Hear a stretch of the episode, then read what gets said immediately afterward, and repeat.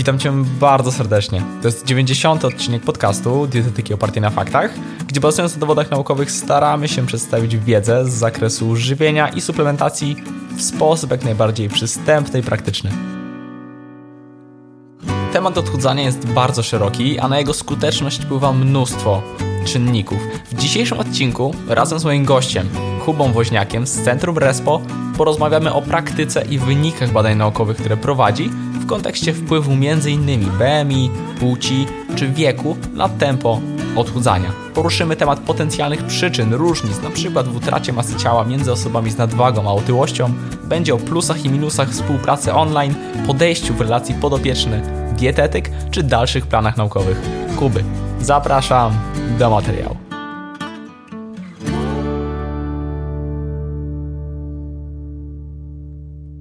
Cześć, witaj Kuba. Witam Cię bardzo serdecznie, Radek. Przedstaw się proszę słuchaczom. E, cześć Wam wszystkim. E, nazywam się Kuba Woźniak i obecnie pracuję w Centrum Respo jako dietetyk ze swoimi podopiecznymi, ale jako też team leader swojego zespołu. Mm, a tak zupełnie od początku, to moja przygoda z dietetyką zaczęła się jeszcze w technikum, bo chodziłem do technikum gastronomicznego i tam w drugiej klasie moja nauczycielka zaraziła mnie tematem olimpiady wiedzy o żywieniu i żywności. I ja jeszcze w tamtym czasie myślałem, że będę kucharzem, bo obstawiałem, że matura jest tylko dla mądrych ludzi i że studia to już w ogóle jest kosmos ale po zarażeniu się właśnie tematem żywienia, dietetyki, dzięki tej olimpiadzie, e, zobaczyłem to takie światełko w tunelu e, o nazwie Szkoła Wyższa. No i już w czwartej klasie, zaraz przed maturą, e, będąc na tej olimpiadzie, zająłem pierwsze miejsce. Dzięki temu miałem wejście na, na same studia. No i tak się zaczęła moja, moja, że tak powiem, przygoda z samą dietetyką. E, w międzyczasie już na, w licencjacie tak naprawdę na, na SGGW E, zacząłem trochę pracować jako, jako dietetyk, bo zaczęło się od tego, że zostałem szkoleniowcem. W szkole trenerów personalnych było takie zapotrzebowanie, żeby w Warszawie e, poprowadzić model dietetyki sportowej dla, dla trenerów. Ktoś mi to zaproponował, mówię, trzeba chwytać e, to, co dają, no i zacząłem być dietetykiem, że tak powiem, sportowym. Wdrożyłem się w temat i tak współpracowałem dobre, myślę, dwa lata z tą firmą. W międzyczasie też pojawił się E, model współpracy w, na studiach e, prywatnych, gdzie, gdzie też mogłem podzielić się swoją wiedzą e, jako, jako, że tak powiem, wykładowca i jeszcze na studiach magisterskich. Mm, a obecnie, no tak jak już mówiłem, Centrum Respo, no i doktorat na SGGW. W skrócie można powiedzieć z odchudzania, bo to jest taka tematyka, która od dobrych dwóch, trzech lat mnie bardzo tutaj kręci i, i to jest temat, który, któremu się poświęcam w pełni.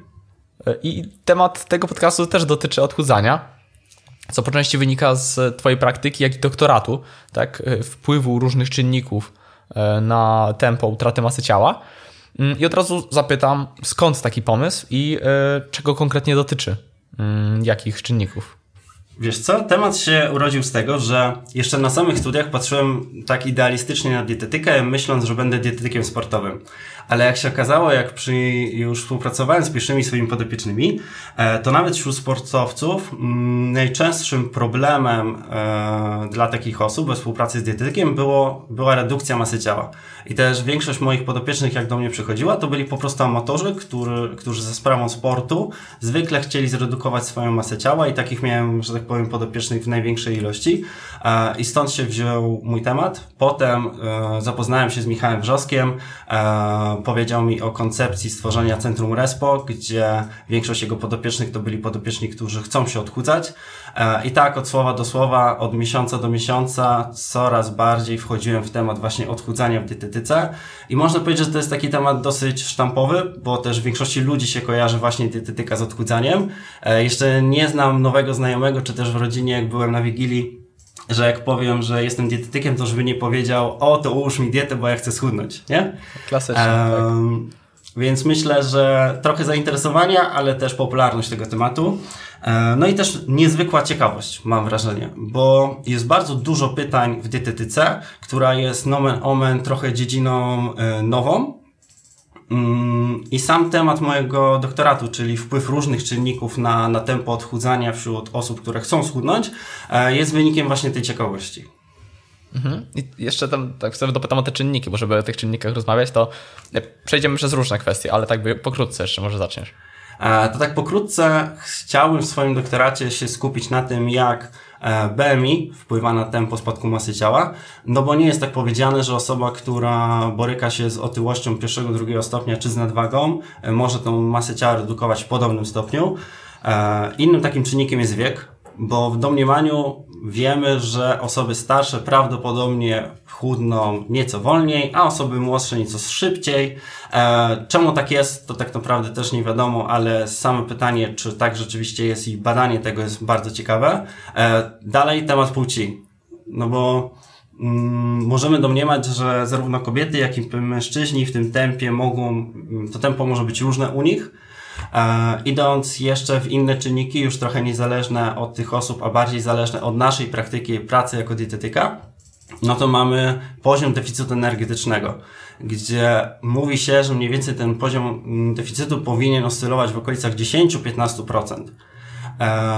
I też w ramach mojego doktoratu przewiduję jedno badanie, które będzie trwało 6 miesięcy, e, w którym będziemy sprawdzać, jaki poziom deficytu i tutaj wybieramy 10, 15 i 20%, jak będzie wpływać na tempo spadku masy ciała, ale też co ciekawe, jak będzie ten deficyt wpływał e, na postrzeganie głodu wśród tych osób. Bo możemy domniemać, że jeśli e, ktoś w pół roku na deficycie 20%, 20%, to tak naprawdę czysto kalkulacyjnie możemy powiedzieć, że ta osoba schudnie najwięcej. Ale z drugiej strony może swój głód postrzegać dużo bardziej niż osoba, która będzie w grupie z deficytem 10%. W związku z tym na przykład może częściej podjadać, może częściej rezygnować z diety, może na przykład nie wytrzymać 6 miesięcy kolokwialnie, wytrzyma tylko 3 miesiące, nie? I to już nam pokazuje, że nie zawsze ten większy deficyt energetyczny będzie dla takiej osoby lepszy, no i to chcemy sprawdzić.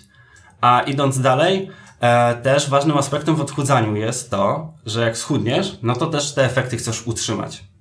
I w mojej ocenie, jeśli chodzi o koncept odchudzania i współpracy z podopiecznymi, e, żeby ukierunkowanej na to, żeby zmniejszyć tę masę ciała, no to utrzymanie tych efektów jest największym wyzwaniem, a zarazem największą bolączką w dietetyce.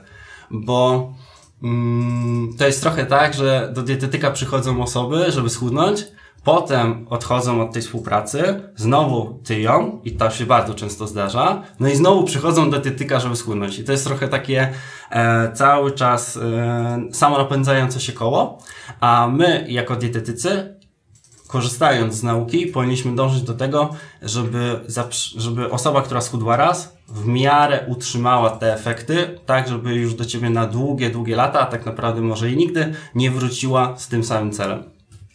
Zdecydowanie się zgadzam. I e, generalnie tych tematów jest wiele, więc zacząłbym trochę, trochę od początku, od e, tego, czym na początku wspomniałeś, czyli BMI. E, czy faktycznie, generalnie już na podstawie tego, co, co, jakie wyniki uzyskałeś, czy wyszły różnice między osobami w kontekście tempa odchudzania między nadwagą i otyłością?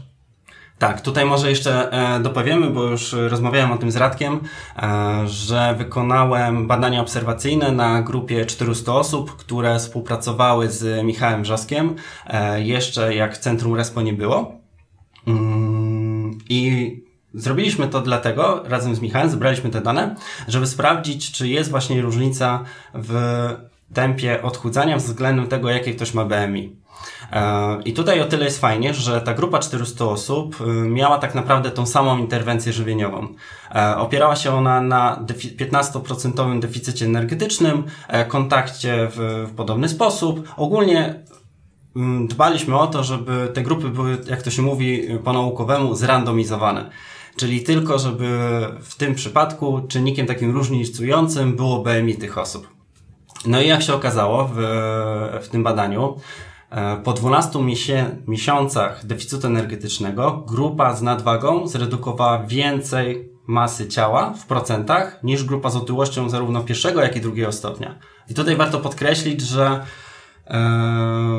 że wziąłem pod uwagę procent masy ciała, a nie kilogramy. Bo zwykle jak się kogoś pytasz, ile schudł, to mówi ktoś, ktoś ci odpowiada 10-15 kg, nie? I tak naprawdę, jeśli jest to osoba, która waży 120 kg, no to może to nie brzmieć aż tak nasz duży, aż tak duży sukces, ale jeśli, chodzi, jeśli mamy osobę, która waży 65-70 kg, no to te 15 to już jest znaczący procent masy ciała, nie? Pod tym kątem. Więc na kilogramy stricte nie patrzyliśmy. E, I ten wynik jest dosyć, dosyć ciekawy, no bo osoby z nadwagą zrzuciły w ciągu 12 miesięcy nieco, niecałe 17% swojej masy ciała, a osoby z otyłością zarówno pierwszego, jak i drugiego stopnia e, nieco ponad 15%. I tu ma, mieliśmy mniej więcej 2 punkty procentowe różnicy, e, co już jest różnicą istotną statystycznie. I tak naprawdę w dyskusji, w tym artykule, którego jeszcze nie opublikowaliśmy, jest teraz w trakcie recenzji mojego promotora, musieliśmy się zastanowić, z czego ta różnica wynika. No i w sensie, no może najpierw, najpierw zapytam Ciebie, a później do, dobrze swoje, jakieś, yy, swój punkt widzenia. E, I naszym pierwszym tropem w tym artykule było to, że osoby z nadwagą były istotnie młodsze od osób z otyłością. No i sobie myślimy, ok, czyli tutaj mamy tą hipotezę, hipotezę, że osoby młodsze chudną szybciej, no to sprawdźmy, czy wiek ma znaczenie. Ale jak się okazało, wiek nie miał znaczenia, czyli niezależnie od wieku, e, tak naprawdę osoby chudły dosyć podobnie, e, więc jakby tą hipotezę całkowicie obaliliśmy.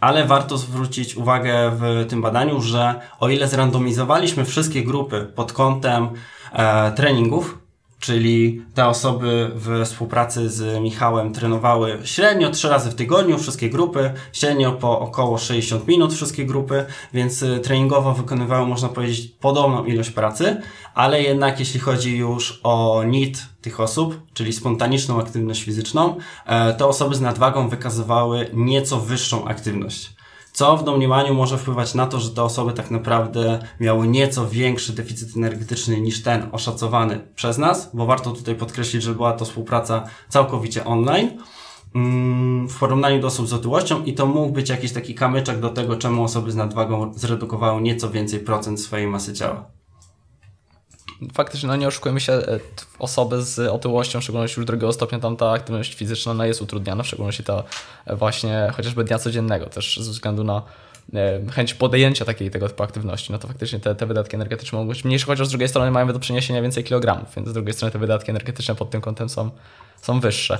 Ja też tak by z swoich obserwacji widzę to też, że często jakby nadwaga jest na przykład taka lekka nadwaga, często bierze się też z tego, że przez lata takie osoby przybierają lekko na wadze, tak to jest często związane tak ze świętami, tak, czy z, z jakimiś takimi, no najczęściej ze świętami, czy do Bożego Narodzenia, czy Wielkanocem. I, i finalnie y, dochodzą w pewnym momencie, gdy się budzą, gdzie mają tą lekką nadwagę i takie osoby na przykład nie borykają się z dużymi problemami z kontrolą apetytu, jakby z, z samym jedzeniem, nie mają jakiejś zaburzonej relacji z tym jedzeniem, e, to często wygląda w ten sposób, że no stosunkowo łatwo jest takim osobom e, stracić. Taka lekka motywacja i jakieś takie podstawowe w ogóle założenia diety są w stanie utrzymać i w łatwy sposób redukować e, konkretną liczbę kilogramów. W przypadku otyłości, no to już jest choroba, tak? Tam Często jest wiele czynników, które no, wpływają na, chociażby zaburzają kontrolę apetytu, tak zmniejszają w ogóle chęć podjęcia aktywności i to też może być tak z, z mojej perspektywy pewne znaczenie.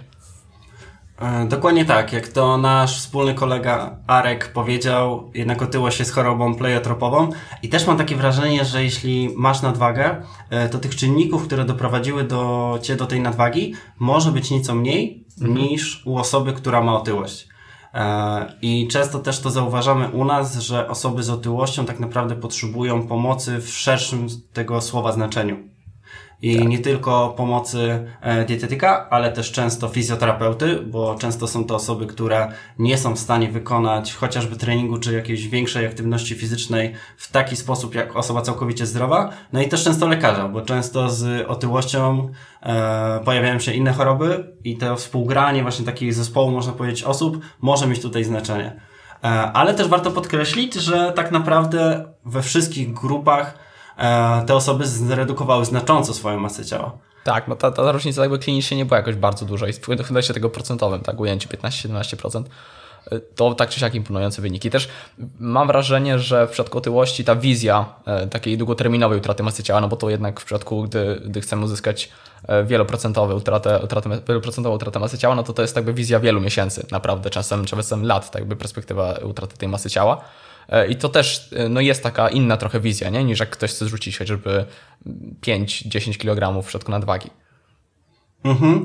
I też zauważyłem, że e, to już z praktyki powiem, że jeśli współpracuję z osobą, która ma na przykład otyłość drugiego stopnia i ona zredukowała już, nie wiem, załóżmy mamy pierwsze dwa tygodnie współpracy i zredukowała 2,5 kg, co jest wynikiem, powiedzmy szczerze, świetnym. Bo też zauważam, że im dłużej rozciągniemy odchudzanie, tym tak naprawdę e, te wyniki podopieczni zachowują na dłużej. Więc ja się cieszę, mówię, super robota, idealnie dobrany deficyt energetyczny, idziemy w to. A często zauważam u tych osób, że one tak naprawdę są trochę zmartwione takim wynikiem, 2,5 kg, bo na przykład ktoś waży 120 kg i dla niego, jak on sobie pomyśli, że jeszcze tyle miesięcy pracy przed nim, Dokładnie. no to już ta motywacja może być nieco mniejsza, w porównaniu na przykład jak ktoś, kto waży 70 kg, zredukuje kilogram. Bo taka osoba na przykład może mieć cel 60 kg i ona sobie pomyśli, ok, czyli 10 razy po dwa tygodnie, no to będzie 5 miesięcy, damy radę. No, dokładnie, dokładnie. Ta wizja też, też ma tutaj znaczenie. No oczywiście, jak też wspomniałem w kontekście tej kontroli apetytu, mam wrażenie, że też, no jednak w przypadku otyłości e, często towarzysząca jakaś tam leptynooporność, no wiąże się z tym, że te, ten, ta kontrola apetytu, jeszcze jak prowadzimy deficyt energetyczny, może być zaburzona i te trudności jeszcze długofalowo w tych wielu miesiącach no, są często większe niż, niż u osób, które chociażby na przykład zaczynające z nadwagą, już po kilku miesiącach mają nawet prawidłową masę ciała, tak? Już chociażby mieszczące się w tych widełkach BMI.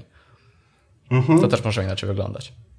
Mm, tak. I jeszcze mm, to, co fajnego zauważyliśmy w tej obserwacji, to fakt, że wszystkie grupy e, redukowały swoją masę ciała z miesiąca na miesiąc w sposób istotny statystycznie. I ja wiem, że to zdanie brzmi okropnie, ale w praktyce e, mówi to tyle, że każda, praktycznie każda osoba w każdym miesiącu coś w jakimś stopniu zmniejszyła swoją masę ciała, co też może działać pozytywnie na motywację tych osób. E, bo zdecydowanie łatwiej trzymać się diety jest osobie, która w każdym miesiącu coś tam zmniejszy swoją masę ciała, niż osobie, która na przykład przez pierwsze 6 miesięcy będzie bardzo ładnie chudła, nawet szybciej od tej pierwszej osoby, potem na przykład niech ma miesiąc czy dwa zatrzymania, a później znowu ta masa ciała będzie spadać w dół.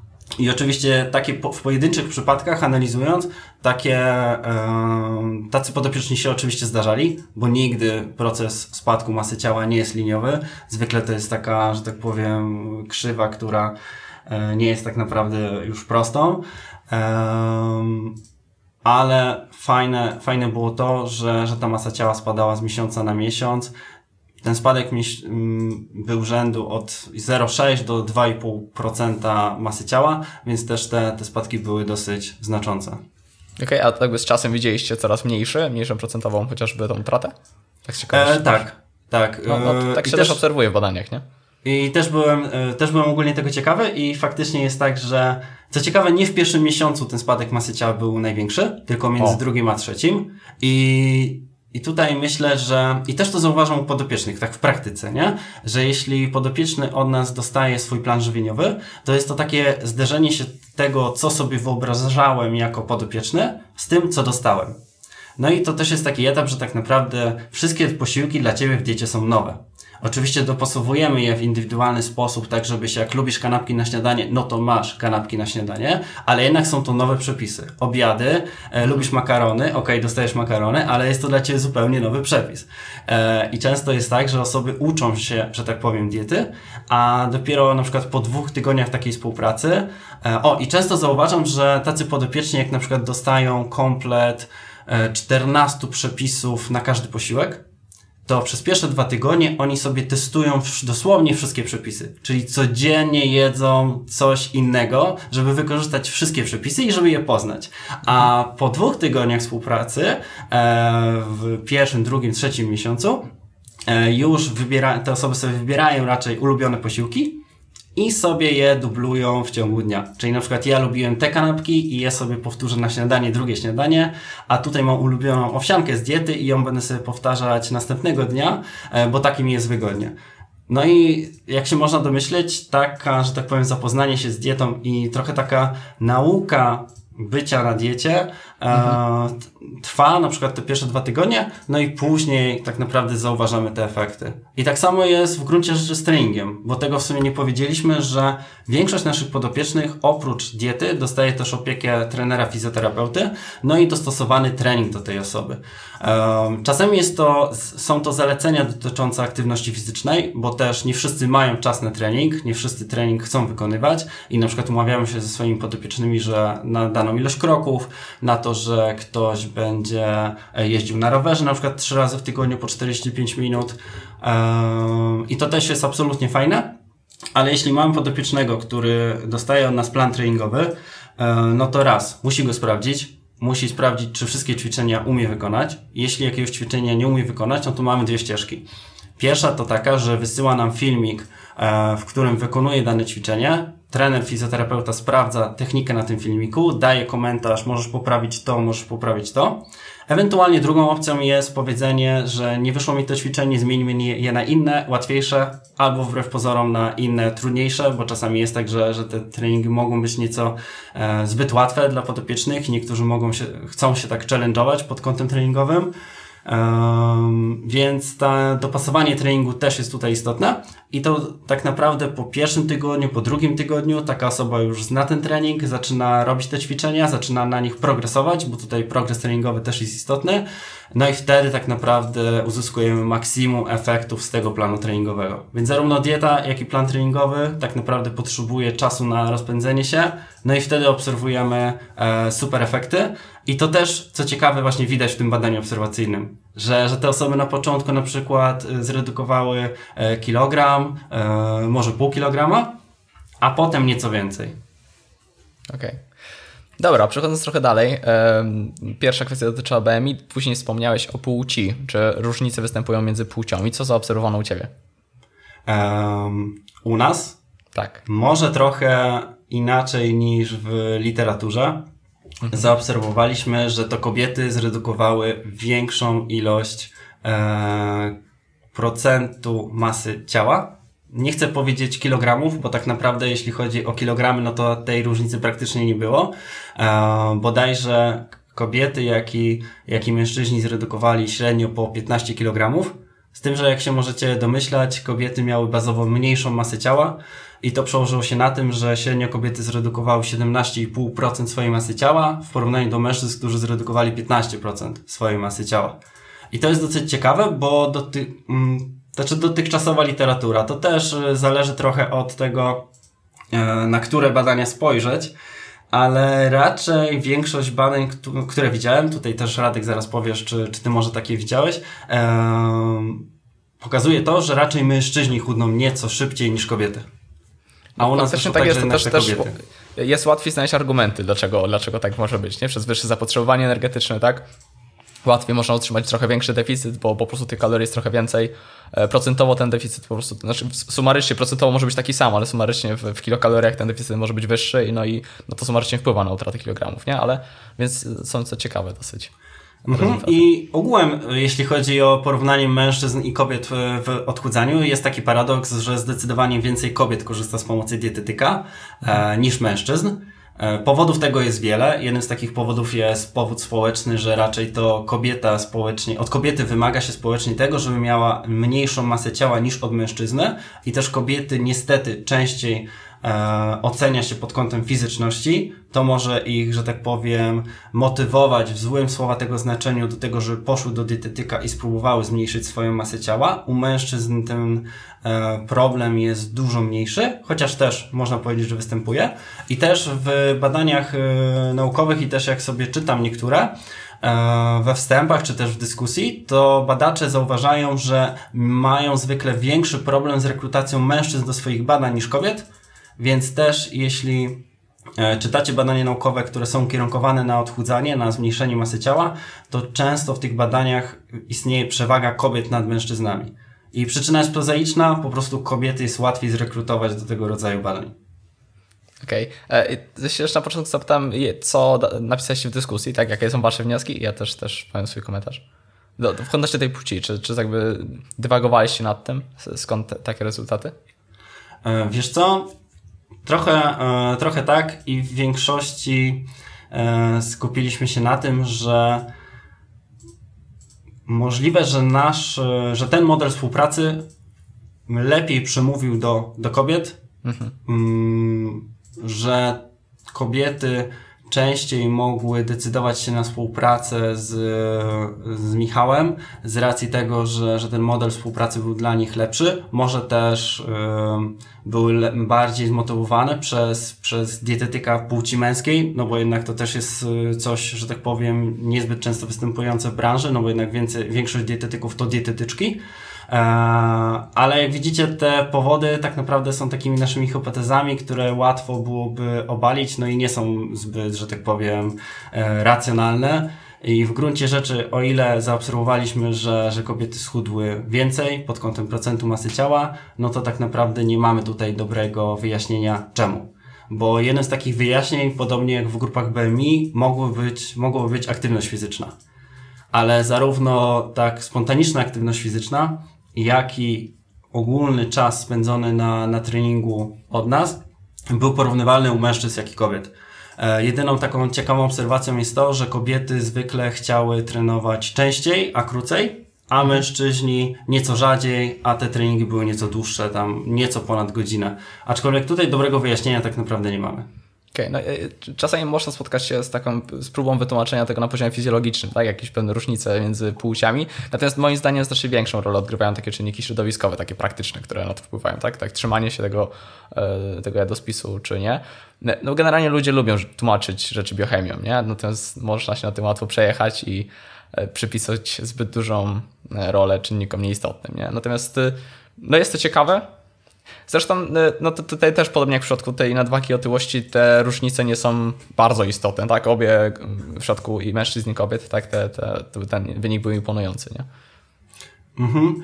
Um, dokładnie tak. I raczej jakbym miał powiedzieć o, skupić się na przyczynach fizjologicznych, to też bym powiedział, że mężczyźni powinni y, więcej zredukować masy ciała. Mhm. E, nasza obserwacja tego nie potwierdza. E, też jak w dyskusji konfrontowałem wyniki naszych badań z innymi badaniami, no to tak naprawdę można znaleźć równą liczbę badań na temat, y, które potwierdzają, że mężczyźni chudną więcej w porównaniu do tego, że kobiety chudną więcej.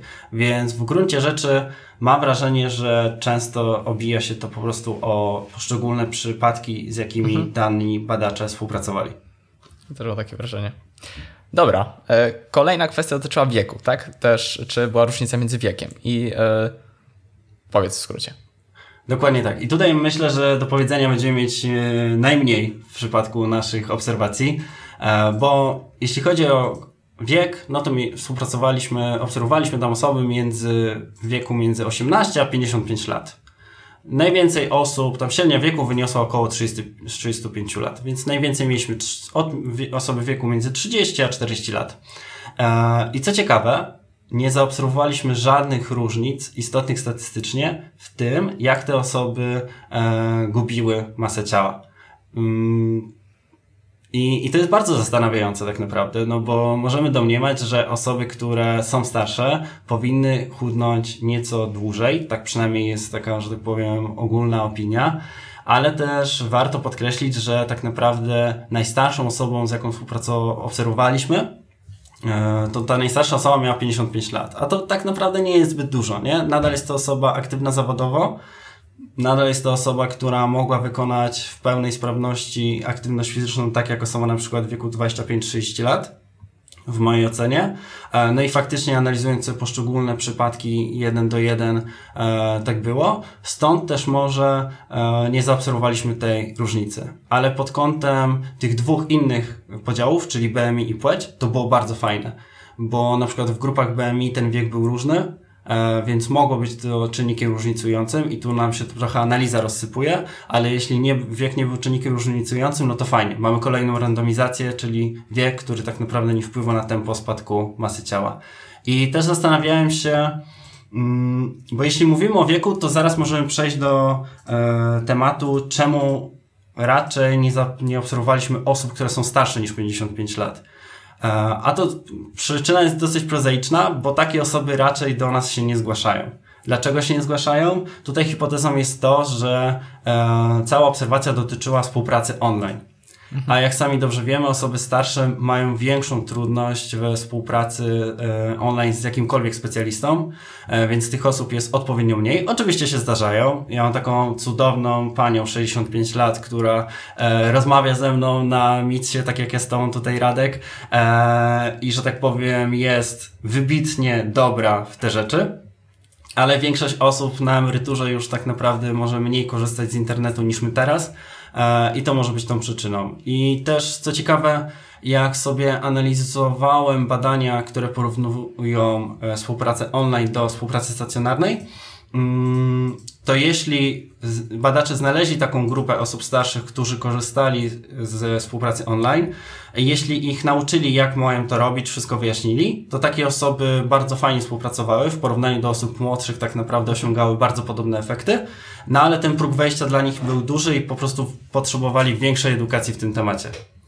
Generalnie do, do współpracy online stacjonarnie to też zapytam. E, o te różnice e, i tak jakby waszą praktykę. Natomiast e, jeszcze trochę wracając do wieku, to ja też sobie pozwoliłem przed podcastem trochę poanalizować literaturę i faktycznie no, no często jest tak, że to, no, mimo wszystko osoby starsze klasyfikuje się powyżej 60, 65 roku życia i, no i tam faktycznie można zauważyć pewne różnice i co ciekawe zarówno w jedną jak i w drugą stronę, tak? Że, że na przykład na jedną z hipotez może być jakby wpływ na, nie wiem, początkową przemianę materii. Faktycznie między tam 20 a 60 rokiem życia to pozostaje mniej więcej stabilne, a po 60 roku życia to ta spoczynkowa szybko na baterii może spadać, to też może być związane z różnymi chorobami towarzyszącymi. Tak, różne y, choroby, czy to cukrzyca typu drugiego, czy nowotwory mogą wpływać na, y, na spoczynkową przemianę materii i też co ciekawe w obu kierunkach, przynajmniej w początkowej fazie. Niemniej E, tam faktycznie by ta, ta, ta grupa wieku jest no, większa niż w przypadku e, waszych, e, waszych badań, więc to też faktycznie może być ta różnica, ale to też zaobserwowano, o czym wspomniałeś, czyli że tak jakby gdy dało się takie sztywne wytyczne takim osobom, to takie osoby się tak by skrupulatnie tego trzymały, potrafiły się po prostu trzymać, niż na przykład osoby młodsze i niekiedy obserwowano po prostu większą utratę masy ciała osób starszych niż osób, osób młodszych. Chociaż no tak by tu kwestia niekoniecznie współpracy online czy nie, do czego, o co zaraz zapytam, natomiast generalnie. Tak może być. Więc tu też są trochę, trochę jak w przypadku płci, że tak bym trochę zależy to od jednostki i może faktycznie e, taka osoba zaangażowana tracić sporo mimo wszystko. Okej, okay. E, i pytanie dotyczące e, współpracy online, tak? Bo wy współpracujecie online, więc pytanie, jaki widzisz tak jakby wpływ na pracę z podopiecznymi i uzyskiwane rezultaty, gdy pracujecie online, w porównaniu do na przykład stacjonarnego rozwiązania? Mhm. Ogólnie powiem Ci, że współpraca y, przez internet jest dosyć ciekawa, bo jak jeszcze studiowałem, to sobie nie wyobrażałem nie, nie móc się spotkać z danym człowiekiem, z którym, któremu będę pomagać i, i porozmawiać z nim tak, że tak powiem, twarzą w twarz ale i to jest ten, myślę, największy minus, nie? Współpracy online, że tak naprawdę nie jesteś w stanie wybadać, że tak powiem, trochę niewerbalnie osoby, z którą współpracujesz, ale tych plusów, które zauważyłem w takiej współpracy jest naprawdę dużo i pierwszym takim mm, plusem jest y, reguła dostępności że my tak naprawdę w Centrum Respo współpracujemy z osobami, które są na całym świecie. I mamy naprawdę dużo klientów, którzy są w Norwegii, w UK, w Stanach. Są to Polacy na emigracji, którzy tak naprawdę wolą współpracować z dietetykiem Polakiem, e, z którym może nie mają bariery językowej, a może jesteśmy trochę tańsi niż na przykład dietetycy na zachodzie, ale jest to jeden z plusów. Podobnie jest ze szkoleniami też. Jak prowadziliśmy szkolenia online, no to też to sporo osób z zagranicy nagle e, mega się tym zainteresowało. I, sam się, I tu sam się nie dziwię. Dodatkowo, jeśli mamy osoby z niedużych miast, czy też osoby, które nie mieszkają w miastach, no to znowu, nie musisz iść do dietetyka. Załóżmy, że jeśli ta współpraca stacjonarna miałaby mieć swoje efekty, no to tak raz na dwa tygodnie wypadałoby się spotkać z dietetykiem. E, I pojechanie do takiego dietetyka dla takiej osoby może być w praktyce nie za bardzo wykonalne, że tak powiem. Nie? E, idąc dalej, kontakt. Można powiedzieć, że ten kontakt jest nieco słabszy, no bo nie widzisz się z tą osobą. Ale z drugiej strony, jeśli zadbasz o odpowiednie narzędzia, e, tutaj trochę nieskromnie powiem, że my zadbaliśmy, e, do kontaktu ze swoimi podopiecznymi, e, no to ten kontakt jest dużo, w mojej ocenie, dużo lepszy niż we współpracy stacjonarnej. No bo na przykład jeśli chodzi o nas, mamy dedykowaną aplikację dla swoich podopiecznych, gdzie mamy dedykowany czat z nimi, i tak naprawdę nasi podopieczni mogą pisać z nami praktycznie 2-4 na dobę. My oczywiście odpiszemy im w czasie, e, w czasie naszej pracy. Mamy taką zasadę, że odpisujemy w maksymalnie 24 godziny, przy czym ta średni czas oczekiwania naszego podopiecznego na odpowiedź jest dużo, dużo niższa i pracujemy nad tym, żeby zejść do 18, maksymalnie 18 godzin na odpowiedź.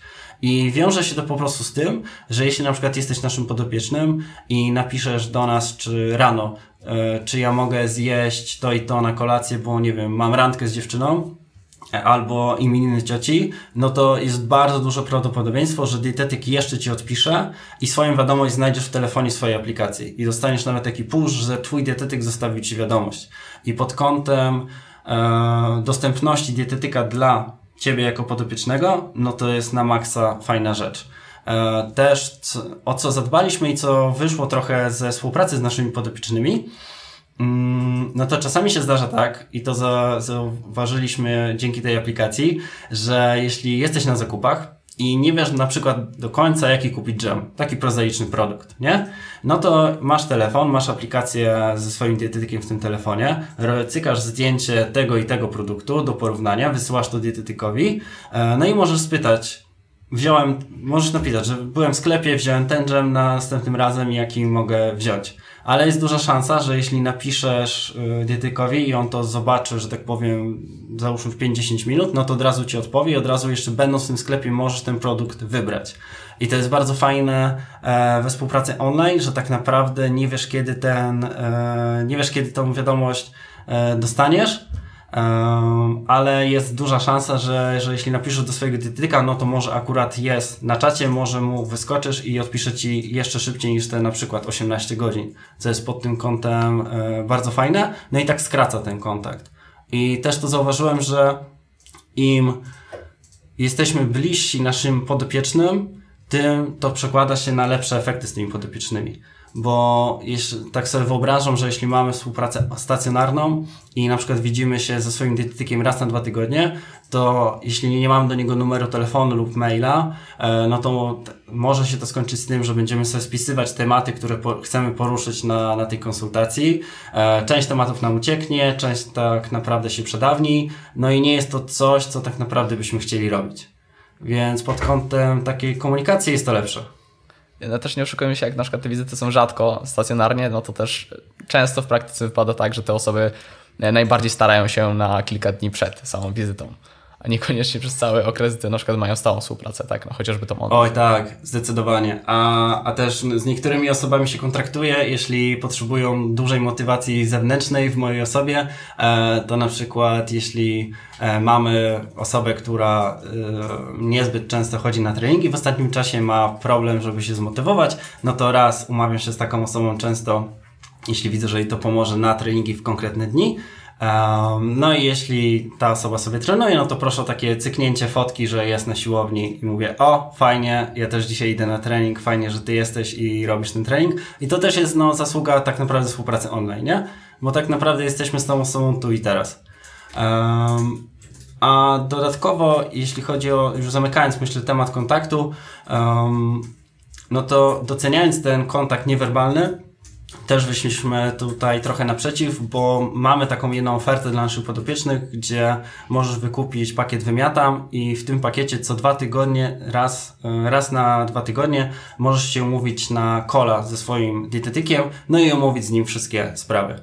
I takich podopiecznych też mam i też bardzo doceniam ten rodzaj kontaktu, bo o ile we współpracy na czacie oczywiście z, y, jak najszybciej staramy się przechodzić na ty, e, jesteśmy w takiej, można powiedzieć, koleżeńskiej relacji. E, często też mówię moim podopiecznym, co tam u mnie, że ja dzisiaj zrobiłem trening, że o, ja dzisiaj też idę na jakąś kolację, o, tutaj ten polecam, nie wiem, pizzę jakąś dobrą w Warszawie, to dietetyk też Wam jak najbardziej może po, e, powiedzieć.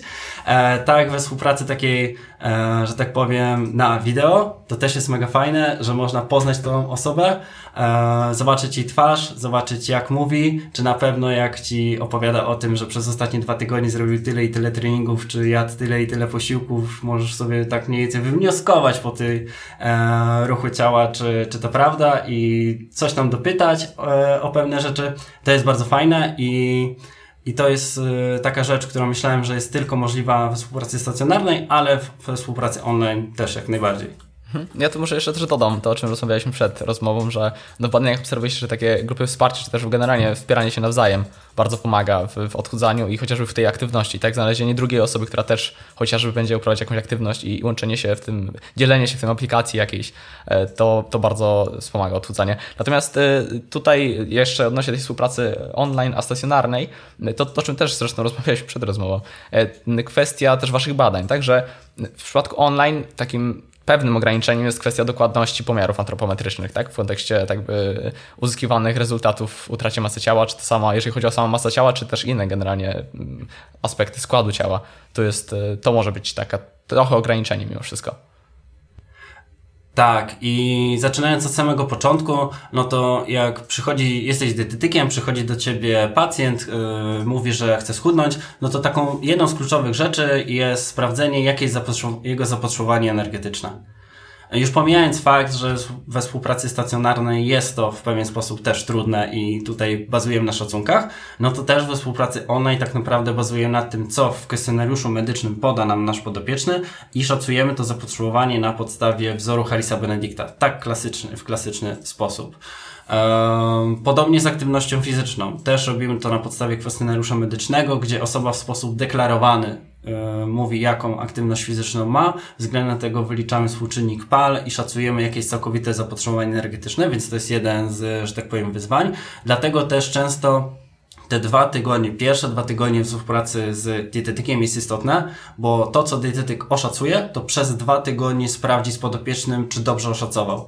Zarazem pod kątem ciebie, dietetyku, jako twojej pracy, ale też pod kątem tego, co podopieczny zadeklarował. Więc to jest istotne i te dwa, po tych dwóch tygodniach tak naprawdę można sprawdzić, czy dobrze to oszacowaliśmy. E, też istotny jest element e, raportowania swoich wyników z dietetykiem.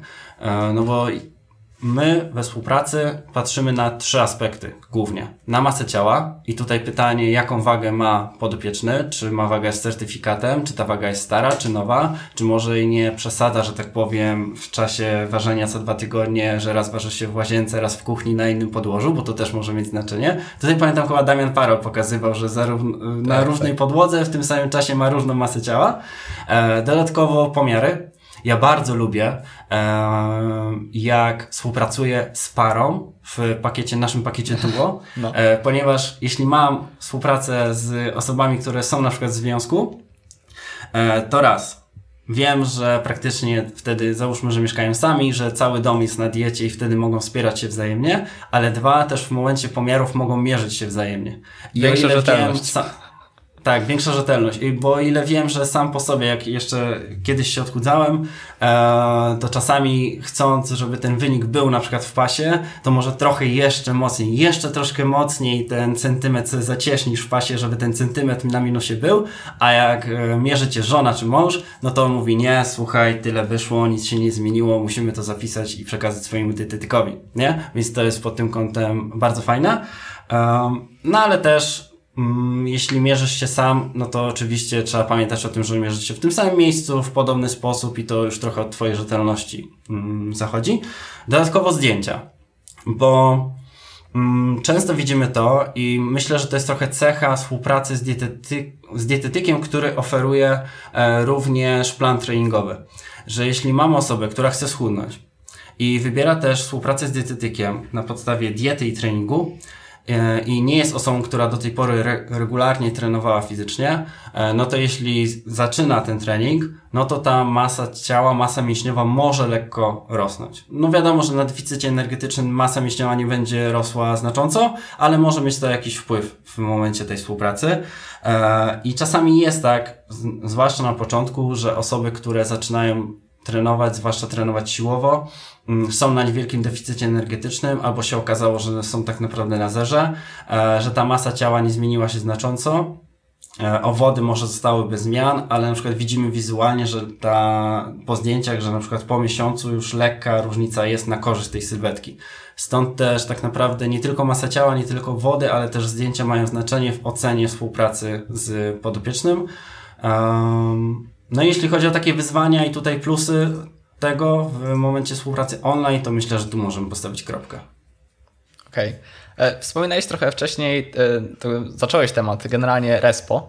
E, I tutaj chciałbym zapytać, bo generalnie to ewoluowało e, i zapytam o to, czy takie, jak, były jakieś takie znaczące zmiany w waszym podejściu, w jakichś metodach, czy generalnie wspomniałem też aplikacji, e, jak wspominałeś w kontekście kontaktu z, z klientem, które mocno wpłynęły na jakie uzyskiwane rezultaty przez was.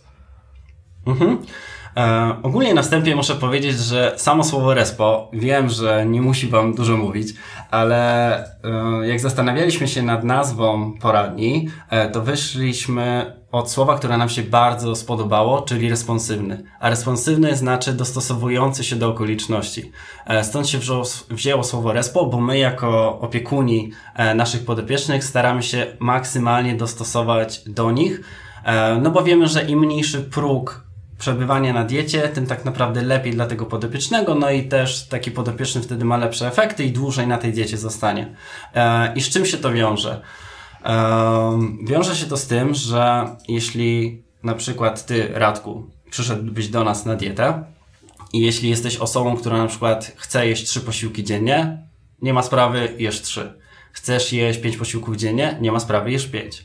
E, chcesz być, bo usłyszałeś od kolegi na IF-ie, czyli na poście przerywanym, bo usłyszałeś, że da Ci te efekty. Na początku Ci wyjaśnimy, że może nie do końca tak być, ale jeśli będzie Ci to pasować i jeśli nie będziesz się na takiej modelu, że tak powiem, żywieniowym męczył, ok, próbujemy z IF-em. E, jeśli jesteś osobą, która lubi mieć na śniadanie, drugie śniadanie słodkie posiłki, masz słodkie posiłki. Jeśli lubisz kolację bardziej na słoną, masz słone kolacje. A jeśli nawet w trakcie współpracy ci się odwiedzi e, i ty co prawda deklarowałeś, że chcesz mieć kanapki co, e, co śniadanie, ale po dwóch tygodniach już masz dość patrzenia na chleb i masz tego dosyć, nie ma sprawy, zmieniamy e, te kanapki na inne posiłki. Więc tutaj tak responsywnie można powiedzieć, dostosowujemy się do ciebie.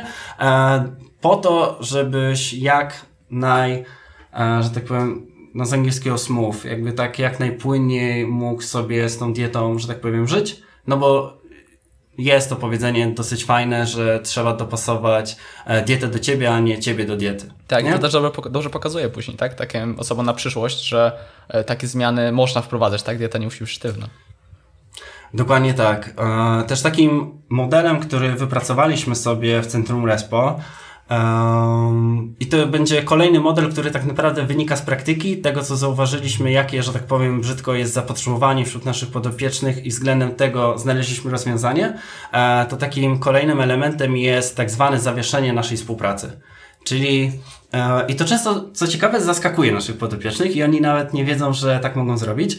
E, czyli na przykład, jeśli ty jesteś już dwa miesiące współpracujesz ze mną i nagle, znaczy nagle, okazuje się, że jedziesz na urlop na dwa tygodnie. No i nie będziesz mieć kuchni, będziesz mieć all inclusive, jesteś w hotelu to masz taką opcję u nas, że możesz zawiesić naszą współpracę. Wtedy, że tak powiem, nie tracisz tych dni we współpracy z dietetykiem, a jeszcze do tego dostaniesz od nas zalecenia, jakie produkty najlepiej jest wybierać. Jeśli będziesz mieć na to ochotę, żeby nadal jeść zdrowo na wakacjach, no to dostajesz od nas takie zalecenia, zawieszamy naszą współpracę na ten moment i to tak naprawdę powodów jest milion, bo ktoś jest chory, bo ktoś ma chore dziecko i musi się nim zająć. Umówmy się, jeśli jeśli masz więcej stresu w pracy, dodatkowo chore dziecko w domu, może się okazać, że ta dieta, którą właśnie masz, nie jest najważniejszym priorytetem w Twoim życiu, na przykład przez ten tydzień, albo przez dwa tygodnie, albo przez miesiąc, nie? Mhm. E, i, I my to widzimy, też widzieliśmy to po prostu u swoich podopiecznych, dlatego wyszliśmy do nich z taką propozycją, bo więcej osiągniesz z podopiecznym, któremu pozwolisz, mówiąc w cudzysłowie, zniknąć na dwa tygodnie, a potem wrócić, niż jak ten podopieczny po prostu przestanie się odzywać, bo mówmy się, bardzo mało ludzi e, powie swojemu specjaliście, że przez dwa tygodnie teraz to nie będzie się trzymać diety um, i co ty z tym dietetyku zrobisz, nie? Mhm. Bardzo często jest tak, że te osoby po prostu ucinają kontakt i może, jak dobrze pójdzie, po dwóch tygodniach dadzą ci znać, co się stało. To no trochę, to trochę tak jakbyś, nie wiem, przez dwa tygodnie nie miał czasu chodzić na siłownię e, i potem dawał znać na siłowni, że o, wróciłem, bo miałem, wróciłem wcześniej nie trenowałem, bo miałem taki taki problem, nie? E, i, I to jest dosyć istotne, bo ja tak naprawdę bardzo lubię, jeśli e, współpraca, i to może trochę źle zabrzmi, ale bardzo lubię współpracować z osobami jako dietetyk nieco dłużej niż krócej. W tym rozumieniu, że nie jestem fanem współpracy takiej kontraktowej, że na przykład umawiamy się na dwa miesiące współpracy, e, umawiamy się na to, że w dwa miesiące schudniesz 10 kilo, e, jestem, że tak powiem, takim, że tak powiem, ta dieta jest takim środkiem do celu, e, a potem jak schudnę te 10 kilo, no to papa dietetyku, osiągnąłem swój cel, ja już sobie poradzę. Bardzo fajne jest uczestniczenie w tym całym procesie, angażowanie podopiecznego w cały ten proces jeśli w tym procesie zjawi się jakaś, jakaś przerwa, no to nic nie szkodzi, bo tak naprawdę przerwy w naszym życiu od jakichś ważnych rzeczy się zdarzają, tak samo przerwy w, we współpracy z dietetykiem i to jest zupełnie normalne. Super podejście. I, I często, no i często zauważam to, że jeśli takie osoby wiedzą o tym, że mogą to zrobić, a że tak powiem już pojawia, ta informacja już zaczyna trochę pojawiać się wszędzie, e, że jest taka opcja, no to też podopieczny wtedy czuje taką, że tak powiem, elastyczność tej diety, mhm. nie? Że, że okej, okay, mogę, e, mogę sobie zrobić przerwę, mogę sobie na to pozwolić, bo wiem, że za dwa tygodnie na przykład wrócę i wszystko już będzie. Um, Dobra, no to myślę, że i tak się bardzo rozwlekłem. No to, to e, też na ten temat. chociażby w karnetach na siłowni, tak? To też czasami było wykorzystywane, że można, przynajmniej w niektórych, właśnie ze względu na wakacje, ze względu na to, że po prostu chcemy zrobić przerwę e, sobie, jakby nie, nie tracimy tej, tej cały czas opcji, a no, ważny jest taki komfort świadomości, że coś takiego jest. No to jest ważne, bo często ludzie później jest głupio wrócić, tak? Gdy, gdy nagle urwie się kontakt. A gdy może to zapo mhm. zapowiedzieć, no to, to, to faktycznie jest na plus. Super. Dokładnie tak. A jak jesteśmy przy kontakcie, to, mm, to też jest kolejna rzecz, która wyszła u nas w praktyce. Um, to pewnie też tak często masz ze swoimi podopiecznymi, że część osób pisze z tobą praktycznie codziennie. Tak. Część osób pisze z tobą na przykład raz na dwa tygodnie, czy raz na tydzień, jak ma zdać ci raport, mhm. a część na przykład osób y, napisze do ciebie tylko wtedy, kiedy ty się do nich odezwiesz, na przykład raz na, nie wiem, miesiąc. Nie? Dokładnie. Że tak naprawdę znikają ci. I też to zauważyliśmy u swoich podopiecznych. I tak sobie pomyśleliśmy, kurczę, co my tu możemy zrobić, żeby niejako zaktywować te osoby, żeby je zmotywować. I pomyśleliśmy sobie, że dobrym wyjściem w takiej sytuacji jest samemu odezwać się do swojego podopiecznego. I mamy to w standardach naszej współpracy, że jeśli ty, drogi podopieczny, nie odezwiesz się do dietetyka przez co najmniej 6 dni, to siódmego dnia dietetyk sam się do ciebie odezwie. Oczywiście z konkretnym pytaniem, który, zadając je, e, czemu, że tak powiem, nie odezwałeś się w jakimś tam czasie. Chociaż Albo na przykład spyta, hej, co tam u ciebie, jak ci idzie z dietą? Eee, albo na przykład wiem, że byłeś chory, bo pisaliśmy o tym 6 dni temu, jak się czujesz, nie? Bo często też zauważamy to, że jeśli byśmy tego nie robili, mm, to jeśli mamy osobę, która na przykład się nie odzywała przez trzy tygodnie, hipotetycznie, to taka, takiej osobie też jest ciężko wrócić do dietetyka i przyznać się na przykład do tego, że miał spadek motywacji e, i dlatego przez trzy tygodnie się nie odzywał i tak naprawdę przez ostatnie trzy tygodnie to on wcale się tej diety nie stosował. A jeśli napiszesz do takiej osoby, zapytasz, hej, co tam u ciebie, jak ci idzie z dietą, no to jest większa szansa, że ktoś napisze, nie idzie. Mhm. I wtedy myślimy, co dalej. E, I tutaj jakby e, opcje, co zrobić dalej, opcji takich jest wiele, ale fajnie, że już ta, te drzwi się otwierają, no i można sobie działać z tym podopiecznym, co tu zrobić. No bo albo można e, takiej osobie metodą małych kroków zmniejszyć próg wejścia w dietę, czyli ktoś sobie może pomyśleć, że on to może stosować dietę tylko na zasadzie 100% albo nic e, i wcale nie wie, że tak naprawdę jeśli jest mu trudniej, jeśli ma słabszy poziom motywacji, mniejszy, no to na przykład możemy się zakontraktować na to, że będzie pilnował tylko śniadania i kolacji, bo wtedy jest w domu i wtedy jest mu najłatwiej, nie? I tak naprawdę przez dwa tygodnie wtedy umawiamy się, że dobra, ty pilnujesz się dwóch z czterech posiłków, to jest na nasz, że tak powiem, plan optimum na ten moment. Za dwa tygodnie pomyślimy co dalej, powiesz mi, e, jak ci poszło. I to też jest jak najbardziej rozwiązanie, bo nie zawsze takie trzymanie się diety na 100%. Raz jest w naszym zasięgu, a dwa jest najlepsze na dany moment. Zawsze fajnie jest zrobić 100% tego, na co jesteś w stanie w tym momencie. Dokładnie. Okej, okay, zbliżając się powoli do końca, e, tak trochę zmienię nieco temat, bo zresztą na początku wspominałeś, jak rozmawialiśmy o Twoim doktoracie, e, o kwestii skuteczności różnego rodzaju deficytu, też generalnie planach na Wasze przyszłe badania, więc tak by jeszcze na sam koniec Cię dopytam o te, te Wasze plany na dalsze, e, dalsze badania i też to, czego się spodziewacie. O to też jestem ciekawy, ja też może powiem swoją perspektywę. Mhm. Takie badanie, które robimy tak naprawdę w tym roku, to jest to badanie, w którym będziemy właśnie sprawdzać, jak różny poziom deficytu energetycznego wpływa na tempo spadku masy ciała. To badanie będzie trwało 6 miesięcy i będzie z udziałem naszych podopiecznych. Tutaj będziemy oprócz tempa spadku masy ciała monitorować poczucie głodu u tych osób, bo myślę, że też to jest taki jeden z czynników, który powoduje, czy ktoś się trzyma diety, czy nie. No i też będziemy obserwować te osoby dokładnie miesiąc w miesiąc do dziewięciu, a może i dłużej miesięcy po interwencji. Tak, żeby sprawdzić, czy na przykład osoba, która miała zwiększone poczucie głodu w trakcie całej współpracy, interwencji, czy na przykład ona ma efekt jojo, mhm. bo może tak być a na przykład w porównaniu na przykład do osoby, która y, to poczucie głodu miała na całkiem fajnym poziomie, e, akceptowalnym, no to w domniemaniu jest taka hipoteza, że, hipoteza, że ta osoba efektywnie może być nieco mniejszy. I to jest bardzo ciekawe i też chciałbym to sprawdzić, nie? Bo ogółem wszystkie takie badania, które chcemy robić w przyszłości, bo tych pomysłów zwykle, ale to myślę, że jest w każdej firmie, że pomysłów na realizację pewnych projektów jest więcej e, niż możliwości przerobowych. I tych pomysłów naprawdę mam wiele i to jest jeden taki pomysł, który realizujemy jeszcze w opcji mojego doktoratu i to jest taki pomysł, który na pewno będzie zrealizowany. E, ale jeszcze pomysłów na inne badania naprawdę jest sporo i tylko teraz pilnuję sobie, żeby je zapisywać i żeby je mieć gdzieś tam w takim miejscu, żeby jeszcze wyszły na światło dzienne. E, a w jaki sposób chcesz oceniać głód u takich osób?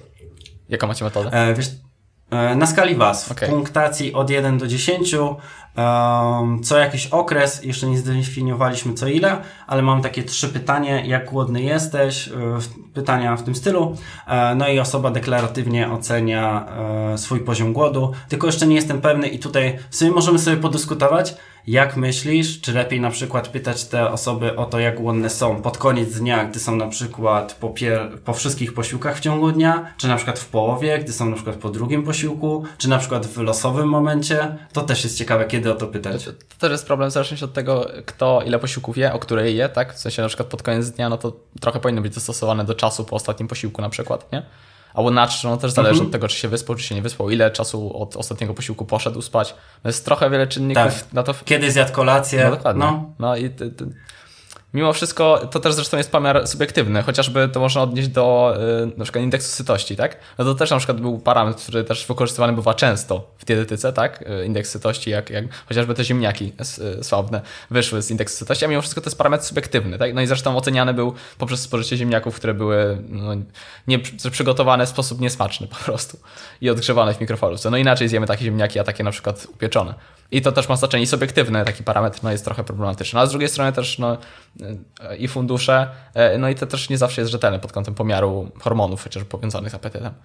To jest ciekawe. Nie, nie, nie, nie znam odpowiedzi konkretnie, jaka byłaby najlepsza na, na porę. Więc praktyce pewnie wyjdzie tak, że wybierzemy jedno i zobaczymy, jak to wyjdzie w tym badaniu. Bo zawsze fajne jest to, że e, projektując swoje badanie, możesz je jeszcze, e, że tak powiem, przedyskutować z innymi specjalistami i tak na pewno będziemy robić, ale też jak już masz wyniki, to odnieść w dyskusji do wyników innych i też pokazać, że my to zrobiliśmy tak i ktoś zrobił podobnie i miał takie i takie wyniki, one są podobne lub inne.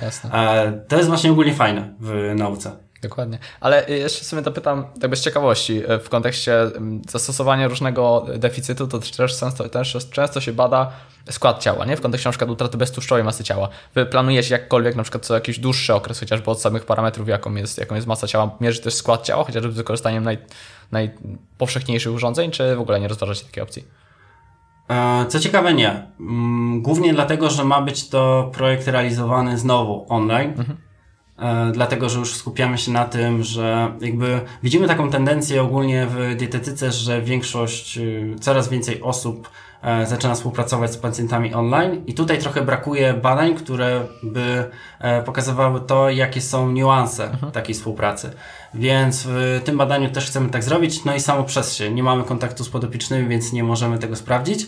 E, no też niestety mamy ten problem i tu myślę jest problem finansowania ogólnie badań, e, że jeśli nawet byśmy chcieli, chcieli to stacjonarnie badać, to w praktyce musielibyśmy się ograniczyć do bioimpedancji. E, no i do Warszawy najczęściej. Też, no i do Warszawy, nie? Że już nie możesz rekrutować sobie osób z całej Polski, tylko najpewniej osoby, które przyjadą tutaj do ciebie raz na przykład na dwa tygodnie. Więc to jest dosyć problematyczne i też kwestia tego wyniku jest dosyć e, problematyczna, czy to wynik, czy wynik będzie w 100% rzetelny. Więc tutaj skupiamy się na parametrze o nazwie po prostu masa ciała. Okej, okay. a jakie, co zakładasz tak subiektywnie w kontekście różnicy między 10, 15 a 20%? Wiesz co, myślę, że, że ten środek, że 15%, czyli tyle, ile najczęściej mm, takim deficytem się posiłkujemy, że będzie takim optimum. Bo podejrzewam, że te 20% e, na przestrzeni 6 miesięcy może być nieco za dużo. Mhm. I takie osoby mogą częściej nie wypełnię, że tak powiem, założeń diety i, to nie mus- i wtedy to nie będzie się przekładać na zwiększone tempo spadku masy ciała. Okej, okay, a tak by główną grupą będą osoby z nadwagą, z otyłością, z otyłością drugiego stopnia? Czy też raczej ten Nadwaga rozstrzał? i otyłość. Okay. Nadwaga i otyłość też pod tym kątem, jeśli udałoby się, że tak powiem, ograniczyć do osób z otyłością, no to będzie super. Ale z drugiej strony też chcemy, żeby, żeby te grupy e, badawcze były odpowiednio duże, więc, więc też myślę, że, że trochę osób z nadwagą będziemy mieli. Na pewno z BMI powyżej 25, tak żeby nie robić takiej interwencji na osobach z prawidłową masę ciała. No, no jasne. Dobra, to w takim razie mam nadzieję, że usłyszymy się jeszcze za jakiś czas, gdy te wyniki będą i o tym podyskutujemy. E, tymczasem. Tak, to. No? To będzie taki fajna druga część naszego podcastu, gdzie ja dzisiaj dałem Wam zajawkę, e, co będziemy robić, a w następnym odcinku będziemy już pokazywać same wyniki, bo, bo też jestem sam tego ciekaw. I, I to jest super, że jesteśmy w stanie swojej pracy, w trakcie swojej pracy zawodowej być czegoś ciekawi, sprawdzić to i potem pokazać całemu światu, słuchajcie, nam wyszło to i to. Jeszcze jak porównujesz swoje, możesz porównać swoje wyniki z kolegami z całego świata, to jest w ogóle super. I, i dlatego też e, bardzo lubię po prostu tą pracę. Mm, że tak powiem, nie, nie tylko jako dietetykę, ale też jako taki element, e, jako element i tutaj w sumie zabrakło mi słów, więc Radku może to powiedzieć. Podsumuję, że nauka jest ogólnie super. Polecamy. Przypomnij proszę na końcu, gdzie można Was znaleźć. Ciebie i, i generalnie Respo. Można nas znaleźć na stronie centrumrespo.pl, można nas znaleźć na Instagramie, na Facebooku, więc bardzo Was zapraszamy. E, jeśli chodzi o Instagram, to myślę, że to jest takie najbardziej e, żywe medium, w którym e, publikujemy wartości edukacyjne. Też możecie mnie czasem zobaczyć na Instastory, zwykle w soboty, na raolkach, czy też na live'ach, które mamy sami, że tak powiem, w naszym gronie, jak i z gośćmi, więc zapraszam serdecznie. Super. Bardzo Ci dziękuję i do zobaczenia, do usłyszenia niebawem. Do usłyszenia.